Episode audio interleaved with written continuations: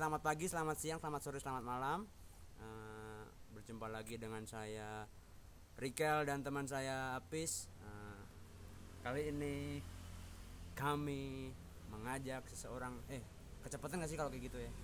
Mending lu ngobrol dulu pes apa gitu intro-intro. Kan udah lama kita nggak ngerekam. Ah, halo semuanya. Oke, halo semuanya. Kira di Dika anjing gue. Halo semuanya.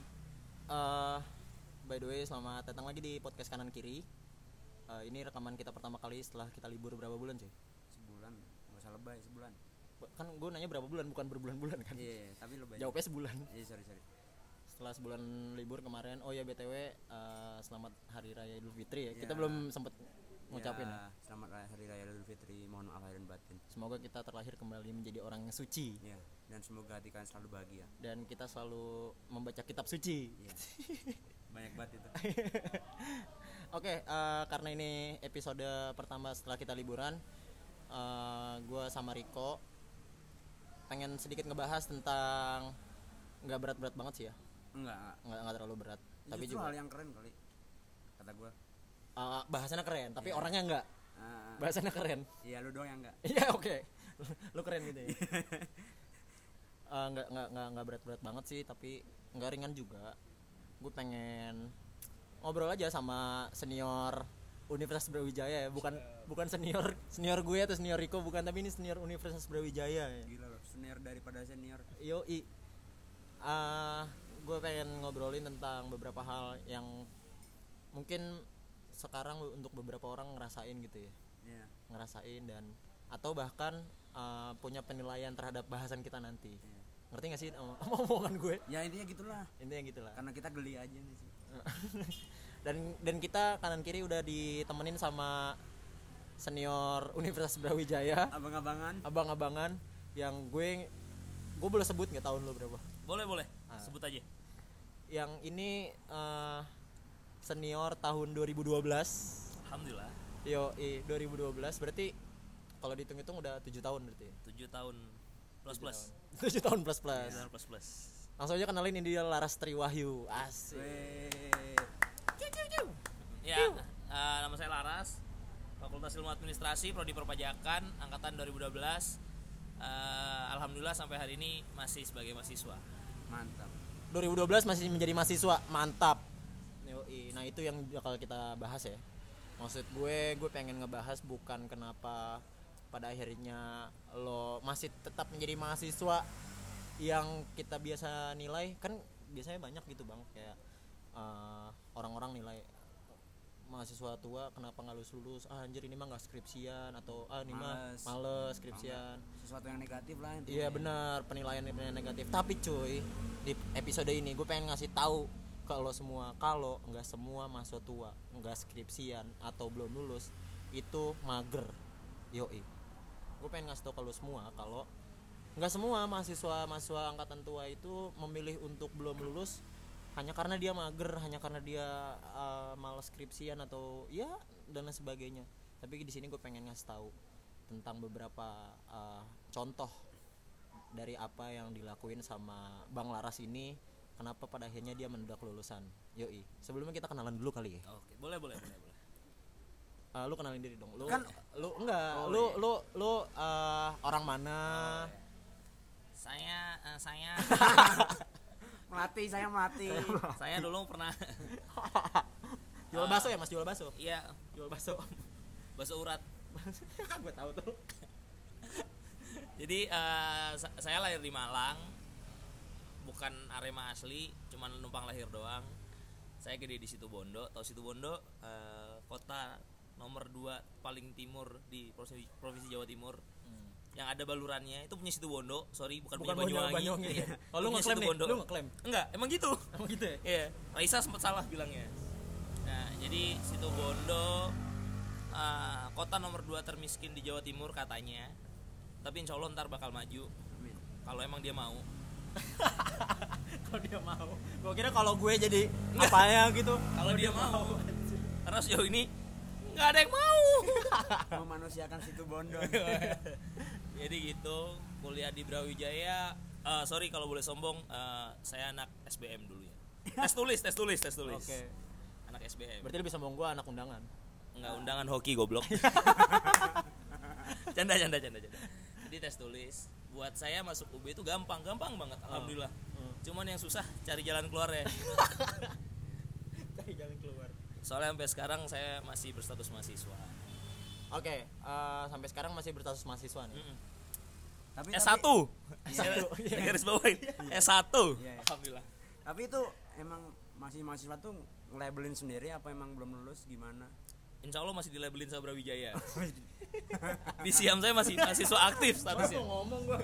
Di jamnya masih aktif. masih aktif alhamdulillah Nah itu bang, eh, kan banyak nih teman-teman gue atau adik-adik gue, adik-adik kita lah ya, adik-adik kita yang menilai kalau mahasiswa-mahasiswa tua, ya kayak gue lah, kayak gue udah termasuk mahasiswa tua ya karena udah semester akhir itu memilih untuk belum skripsian karena ah ini mah males kali atau eh, apa pun sebagainya, nggak cuma mahasiswa bahkan eh, masyarakat masyarakat umum yang let's say orang tua orang tua kita dan sebagainya. Itu menilai kalau kita itu mager gitu bang. Tapi lu setuju gak sih sama itu? setuju dan nggak setuju sebenarnya gimana gimana? Jadi mungkin awalnya Apis bikin konten ini uh, bikin dengan topik ini mungkin ingin mencari teman untuk menguatkan dirinya itu yang bukan pertama. bukan enggak, oke ini disclaimer ya cuy. Ini disclaimer ya. Gua dan Riko gua dan Riko mau ngebahas ini bukan untuk pembelaan sebagai mahasiswa yang belum lulus. Bukan coy. Gue pengen ngasih tahu aja kalau kita tuh mahasiswa tua belum lulus lulus bukan berarti kita mager tapi ada something di belakangnya itu disclaimer coy jadi kalau gue boleh cerita gue pakai kata ganti gue aja ya Hmm. kalau saya kayak kesannya mau wawancara kerjaan aja kan Iya.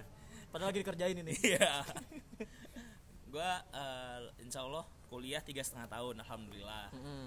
Hmm, tiga semester eh enam enam semester itu mata kuliah gue selesai Mm-mm. di semester ketujuh cuma tinggal magang sama skripsian Mm. IPK aman sampai hari ini belum pernah ulang satu mata kuliah pun alhamdulillah Mm. Cuman karena masuk Brawijaya itu gampang ya kan dan keluarnya susah maka tiga setengah tahun kuliah harus diselaraskan dengan tiga setengah tahun skripsian alhamdulillah jadi kayak gitu biar imbang kan kata orang kita harus imbang nggak boleh Harus boleh adil. ber- iya harus adil. Harus adil. tapi jangan sejahtera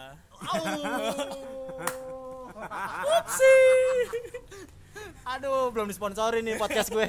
belum disponsori Belum jangan disebut. Jangan disebut. belum berani belum berani tapi itu tapi eh, dengan lamanya kayak gitu kan yang dari topik yang kita bakal bahas udah dapet omongan yang kayak gitu belum? Udah sering banget. Mm.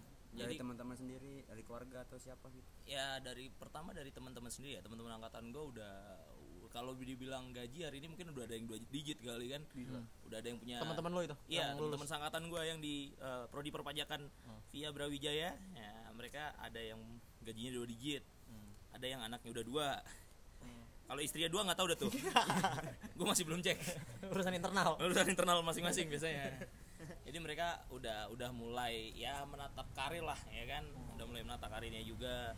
Terus banyak orang-orang yang nanya ngapain sih eh, kok belum lulus lulus dari UB, padahal eh, for your information gue cuma tinggal kompre, sempro gue dua tahun yang lalu, ya kan Ah. jadi kayak ngapain sih nunda kelulusan dan segala macem banyak sih yang nanya kayak gitu jadi kadang risih juga tapi kadang jadi kayak bodo amat lah biar biar mereka sampai capek juga. Kalau mereka nggak tahu kenapa gue nggak lulus juga bodo amat jadi kayak gitu aja. Berarti sekarang lu udah di tahap bodo amat gitu kalau ada orang yang ngomong kayak gitu. Nggak pernah ada pressure atau apa gitu. pressure sebenarnya bodo amat itu hasil dari eh, pressure yang akan semakin besar ketika kita semakin mikirin. Yang tahu tentang progres itu tentang eh, kita doang yang akhirnya dan orang-orang sekitar kita orang-orang terdekat misalkan ya teman kontrakan lah atau misalkan sahabat kalau mereka kalau lu punya sahabat akhirnya seperti itu. Jadi sekarang gue ada di sisi yang ketika diingetin gue ingat gue tahu gue gue punya tanggung jawab. Bahkan gue ngurus A B C D F G segala macam form form via yang ada. Untuk menuju kelulusan ada 21 syarat yang harus di yang harus diselesaikan ya kan? Nah intinya seperti itu. Cuma kan terkadang jurus andalan orang-orang yang ngatain tuh eh, kamu nggak kasihan apa sama orang tua Iya sih? benar benar benar. nah, itu ntar, ntar gimana cara cara ininya Ah, kalau dibilang jadi semua orang tuh selalu punya reason ya kenapa dia belum lulus sampai hari ini ya kan Benar. Setuju setuju gua. Ah, for your info gua udah kayak inian gua CS for your info mulu Customer service. jadi gua singkat dah singkat FYI FYI jadi udah habis gue komit sama orang tua gue gue dibiayain sampai sorry ya ini soalnya ngerekamnya emang di kafe pinggir jalan bukan jadi- bukan rekaman di, di, di parkiran sirkuit di sirkuit sepang nih. Untung bukan sentul. Jalannya rusak dong terus terus.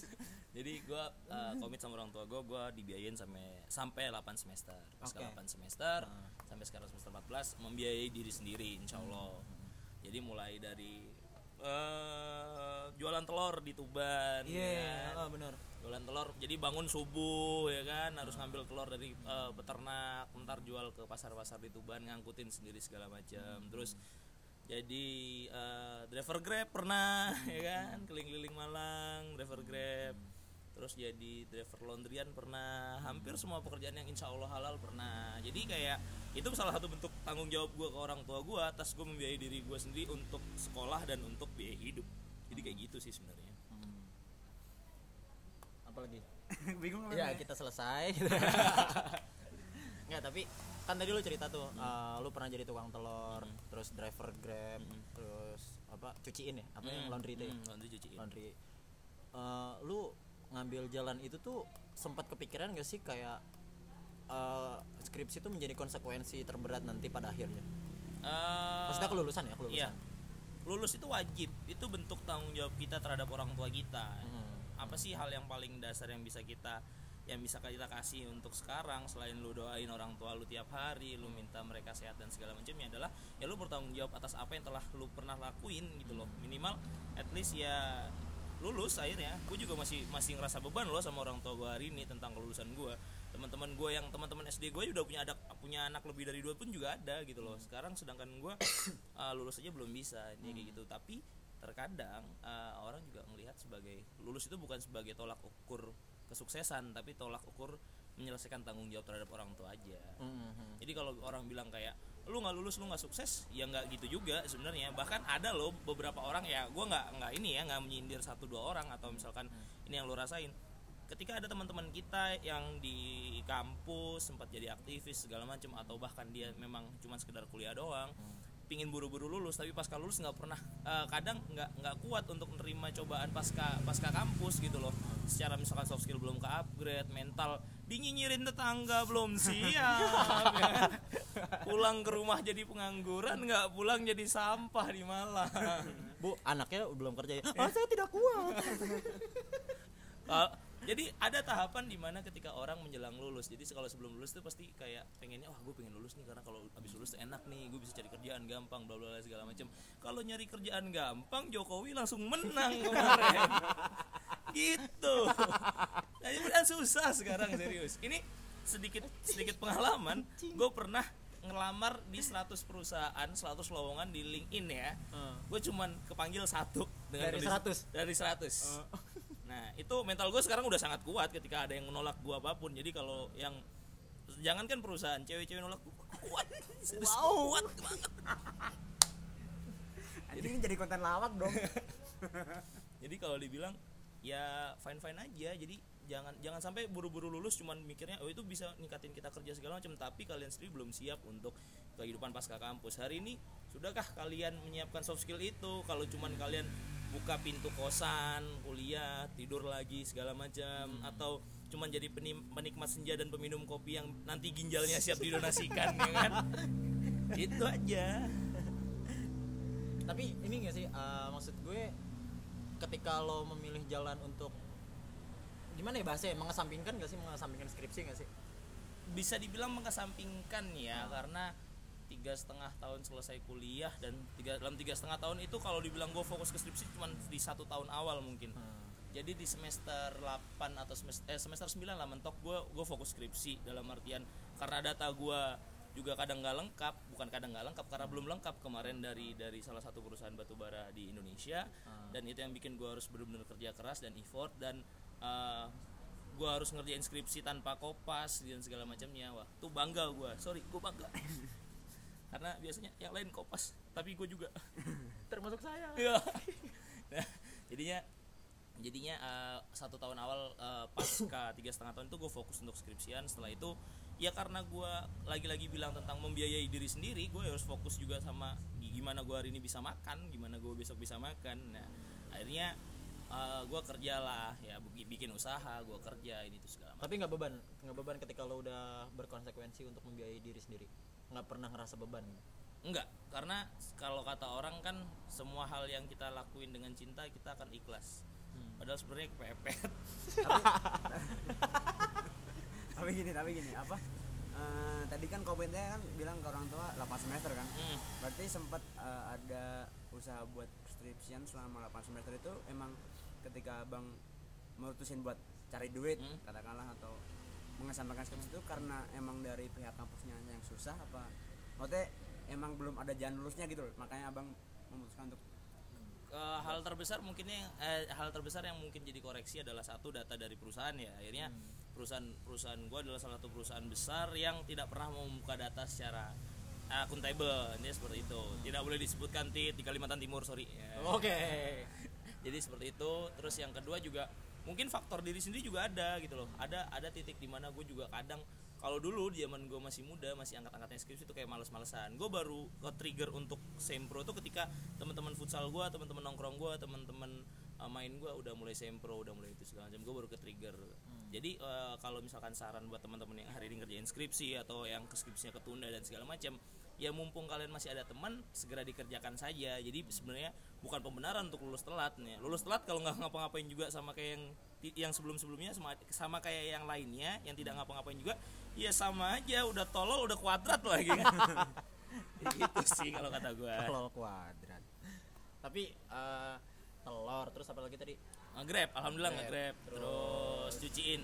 cuciin yang laundry itu ya? Iya itu semua bener-bener lo punya pikiran kalau gue yang ngelakuin itu atas dasar bukan selain kepepet ya selain kepepet atas dasar pengen ngembangin soft skill lo atau gimana sih? Akhirnya gini ketika teman-teman mungkin hari ini yang banyak lah ya yang memandang rendah kayak bapak driver grab dan segala macam kalau teman-teman ngerasain eh, jadi driver grab itu harus punya soft skill yang lengkap loh ya. Pertama lu harus survive dari jam 8 pagi jam 7 pagi sampai jam 10 malam untuk eh, bertanggung jawab atas orang di belakang lu. Lu harus punya tanggung jawab yang gede di situ harus fokus juga terhadap jalanan dan segala macamnya.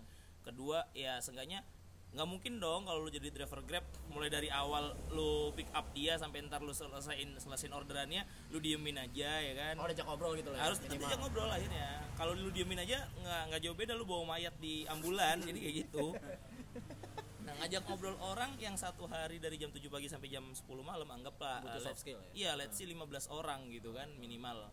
Dari 15 orang ini apakah pendekatannya akan sama semua? Lu ngomong sama anak SD yang lu bonceng dengan lu ngomong sama anak SMP pasti bakal beda ya kan? Di situ kita akan diuji pengetahuannya. Misalkan nih kalau ngomong sama anak kampus anggaplah kayak oh kuliah di mana? Fakultasnya apa? Ya mungkin lu kalau yang mau mau cari cem-ceman mungkin lu bisa pepet-pepetin ya kan nah orangnya bukan motornya gitu loh. Tapi kalau misalkan eh, kayak anak SMP ya mungkin kita akan ngobrol tentang ah, dia suka anim anim apa dia mungkin lagi ikut ekskul apa siapa idolanya gitu-gitu. Jadi punya pernah lihat Atta Halilintar? Wadaw penggemar Yonglek satu bukan anak SMP kan? Tapi sekarang anak anak SMP sekarang lebih suka yang lek daripada Atta. Oh iya? Masa sih? Iya. Gue nggak ngerti tuh. Soalnya yang gue temuin yang pang-pang doang. Dah. bang dong berarti berarti emang emang emang lo atas dasar istilah gini lah ya.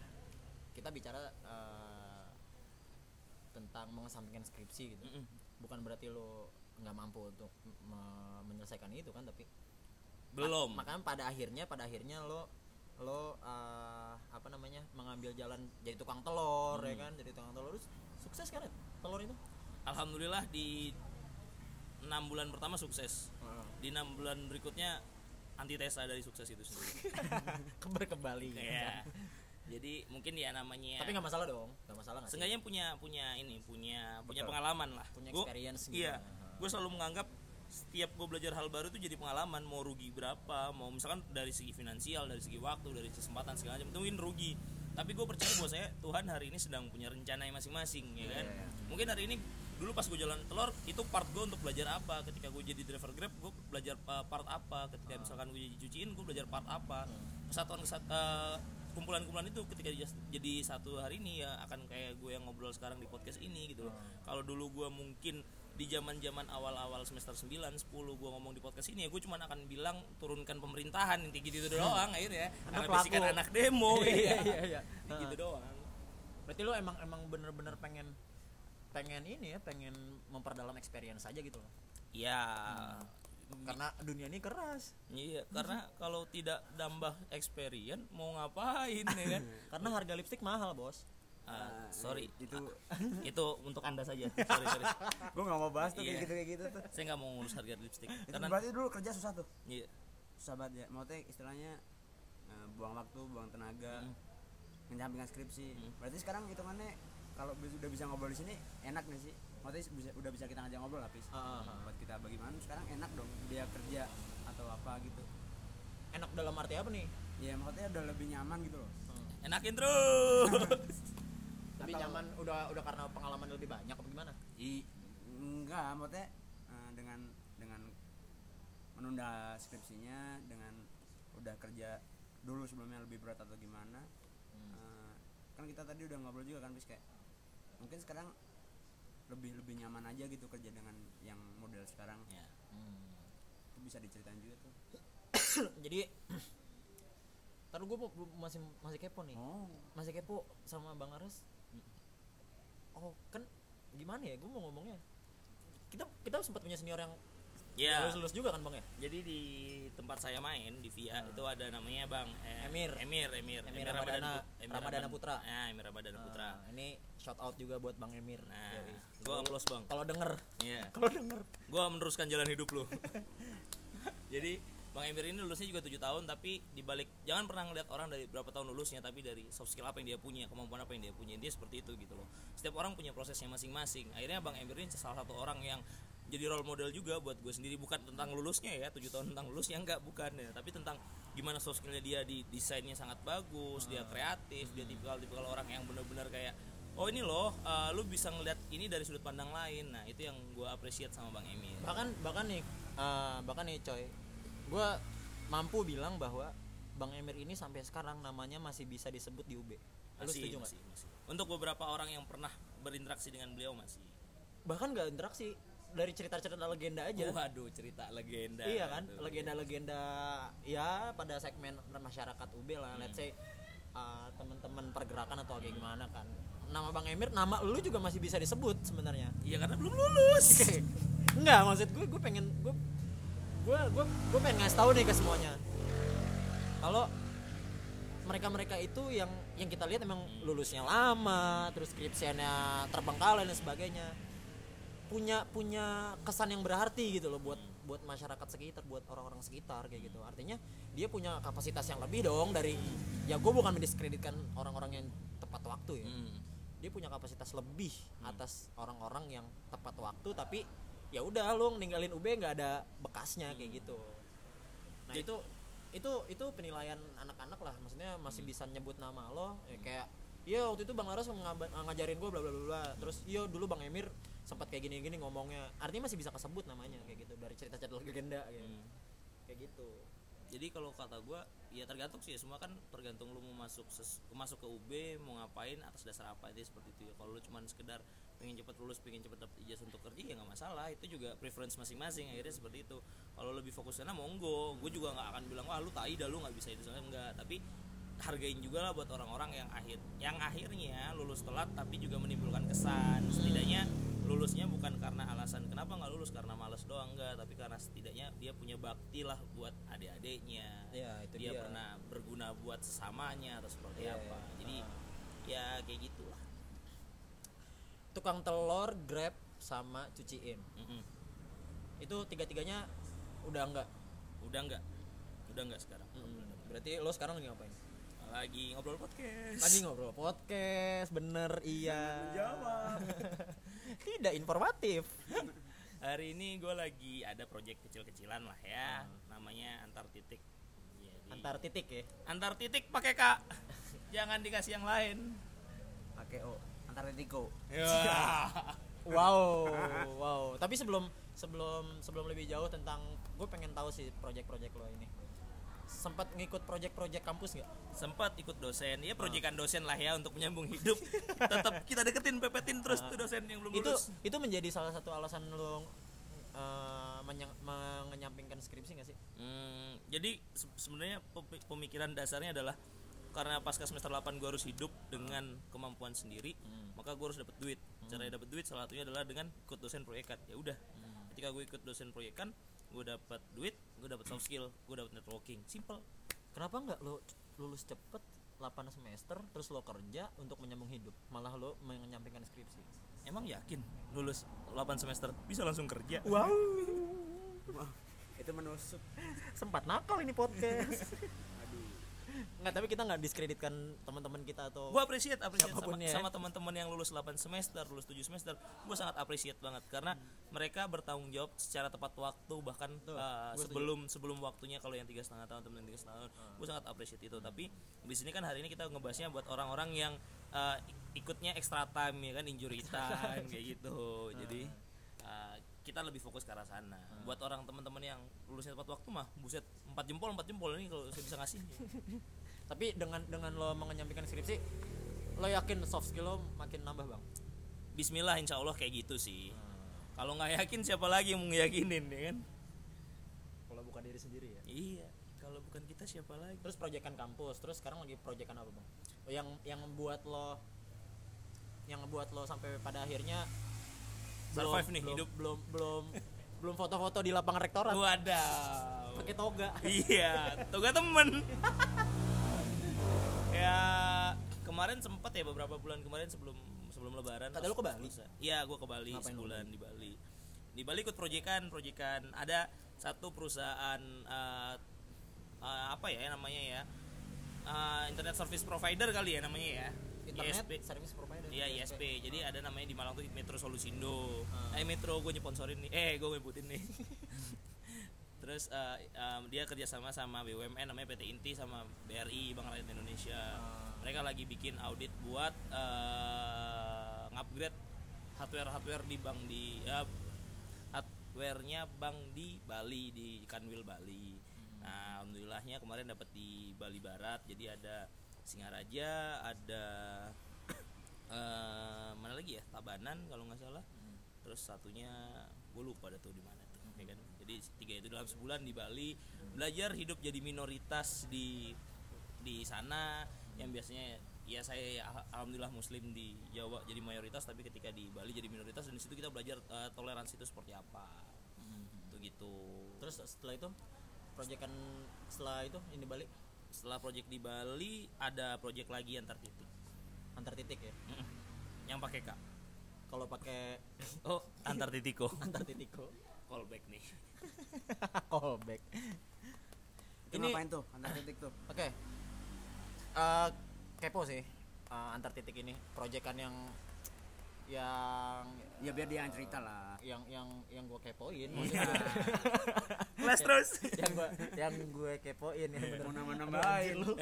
lu menyelamatkan gue coy. Lu menyelamatkan gue. Silahkan tapi tapi gini tapi eh proyek antar titik kan masih eh, maksudnya bang Laras ini ikut proyek ini Hmm. gitu. dan bang Laras memilih proyek ini efeknya berarti kan lagi-lagi menyampingkan skripsi gitu kan. Iya, iya. tapi lu setuju nggak? Di 28 menit ini kita bagi part 2 oh. Jadi bang Laras nanti cerita tentang antar titik yang big project ini di part kedua. Boleh. Boleh boleh.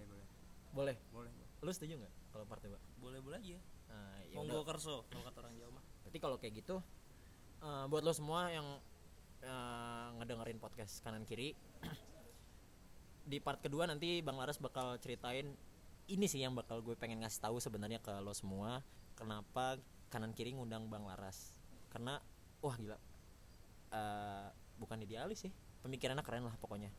Yang jarang banget ditemuin ya, di circle-circle gue sebenarnya oke jadi lo jangan jangan lupa nih nanti ada part 2 yang bakal dirilis Eh, dengerin dengerin terus part 2 nya Eh, tadi part 1 ya Iya. pembukaan lah ya part 1 ntar konklusinya juga di situ dah Mm, konklusinya di situ. Jadi kalau lu mau tahu tentang Bang Laras penuhnya nih ada di part 2. Oke, jangan lupa dengerin part 2. See you di part 2. Sampai jumpa nanti kita ketemu lagi. Bye.